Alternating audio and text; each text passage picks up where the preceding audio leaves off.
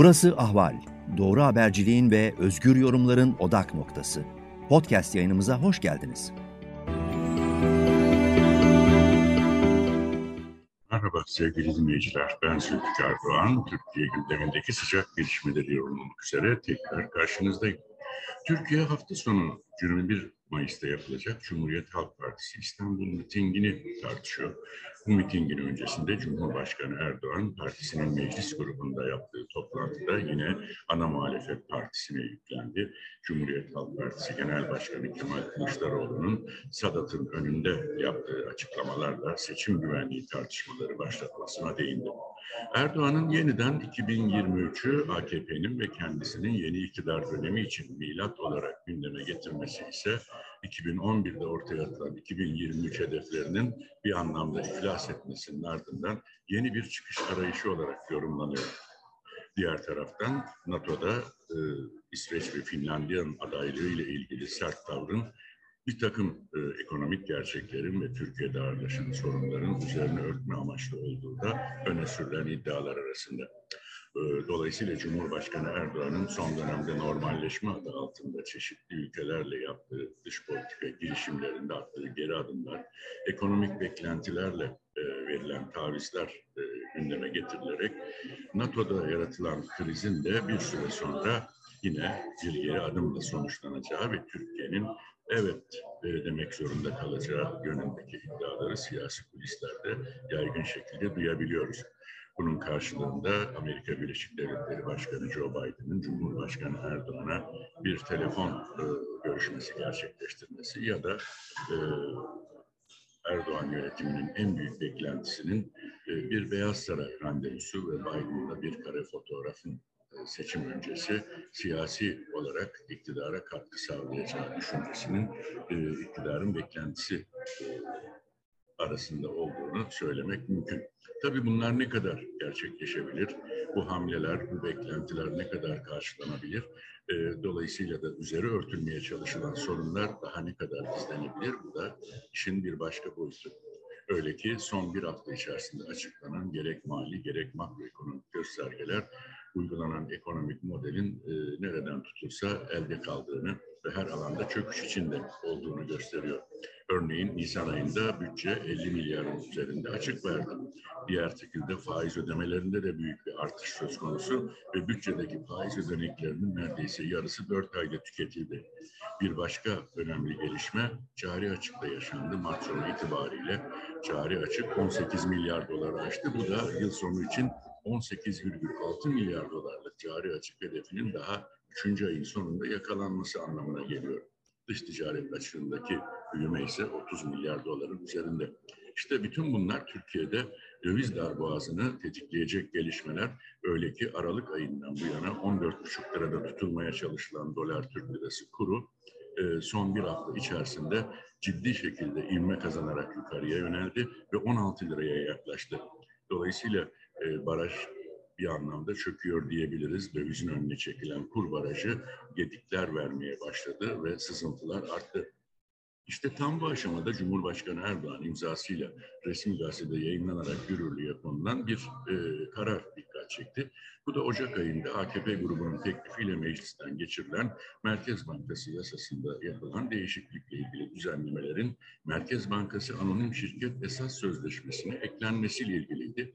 Bu eklenen maddeyle Cumhurbaşkanı Erdoğan'ın imzaladığı karar sonrasında yabancı merkez bankalarının Türkiye Cumhuriyet Merkez Bankası nezdinde bulunan paralarının hiçbir şekilde haciz edilemeyeceği, el konulamayacağı, ihtiyati tedbir kararının uygulanamayacağı güvencesi veriliyor.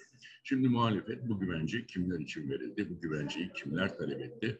diye soruyor. Çünkü daha önce Güney Kore ile bir anlaşma imzalanmıştı. Bir yıl kadar önce swap anlaşması. Ancak Güney Kore Türkiye'nin içinde bulunduğu ekonomik ve mali koşulları gündeme getirerek bir yıldır bu anlaşmanın hayata geçmesine yanaşmıyordu. Bunun yanı sıra Cumhurbaşkanı Erdoğan'ın Birleşik Arap Emirlikleri'ne normalleşme çerçevesinde yaptığı ziyaretin hemen öncesinde bu yasa çıkartıldı ve akabinde de Birleşik Arap Emirlikleri ile 5 milyar dolarlık bir swap anlaşması yapıldı. Acaba talep Biden mi, Birleşik Arap Emirlikleri'nden mi geldi sorusu soruluyor bu listelerde. Ayrıca Cumhurbaşkanı Erdoğan'ın Suudi Arabistan ziyaretinde beklentilerinden birisinin bu ülkeyle SWIFT anlaşması, e, swap anlaşması imzalamak olduğu biliniyordu. Ancak bu da gerçekleşmedi ve bir anlamda Türkiye'yi eli boş döndü. Şimdi Suudi Arabistan'ı ikna etmek için de bu güvencenin verildiği iddialar arasında.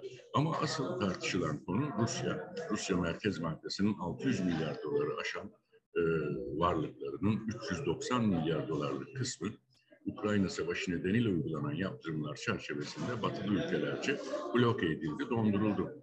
Ee, Rusya Merkez Bankası SWIFT sisteminden çıkarıldı ve uluslararası para transferleri oldukça zorlaştı.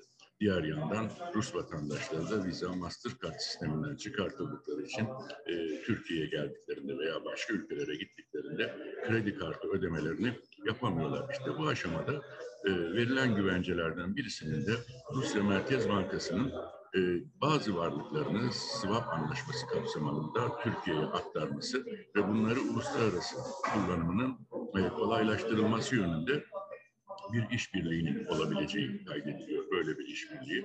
Artı kamu bankaları e, Rusya'nın kendi ulusal kredi kartı sistemi MIR'in Türkiye'de geçerli olması için de e, görüşmeler yürütüyor. Dolayısıyla Rus vatandaşları Türkiye'ye geldiklerinde e, kamu bankaları MIR kredi kartlarıyla yapacakları harcamaların ödemesini garanti edecekler. Ancak işte bütün bunlar için e, Rusya'nın Merkez Bankası'nın e, Türkiye Merkez Bankası nezdinde e, varlık tutması gerekiyor bu garantilerin sağlanabilmesi için. İşte Türkiye, e, batılı ülkelerin yaptığı gibi Türkiye Merkez Bankası nezdindeki Rus varlıklarının bloke edilmesine karşı güvence olarak e, bu yasal düzenlemeyi Merkez Bankası ana sözleşmesindeki e, bu değişikliği ortaya koydu deniliyor.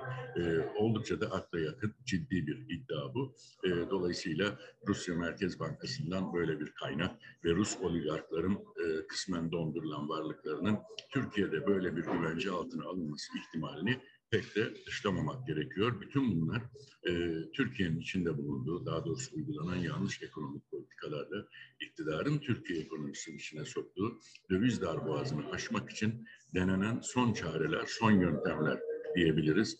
Önümüzdeki günlerde bu verilen güvencenin arkasından imzalanacak yeni swap anlaşmaları e, Türkiye'den bu güvenceyi talep eden ülkelerin kimler olduğunu, bu güvencenin kimler için verildiğini de biraz daha somutlaştıracak, netleştirecek. O zaman e, gerçekten Türkiye'den e, bir anlamda Merkez Bankası'nı e, bağımsızlığını, e, saygınlığını yok sayacak düzeyde e, böyle bir güvence verilmesine Türkiye'yi ve iktidarı mecbur bırakan ülkelerin kimler olduğunu imzalanacak yeni swap anlaşmalarıyla görmek mümkün hale gelecek.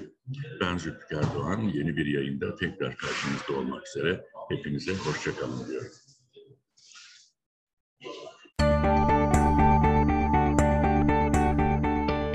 Ahval podcastlerini tüm mobil telefonlarda Spotify, SoundCloud ve Spreaker üzerinden dinleyebilirsiniz. Apple iPhone kullanıcıları bize iTunes üzerinden de ulaşabilir. Türkiye'nin ve hayatın cıvıl cıvıl sesleri Ahval Podcast dizisinde. Kulağınız bizde olsun.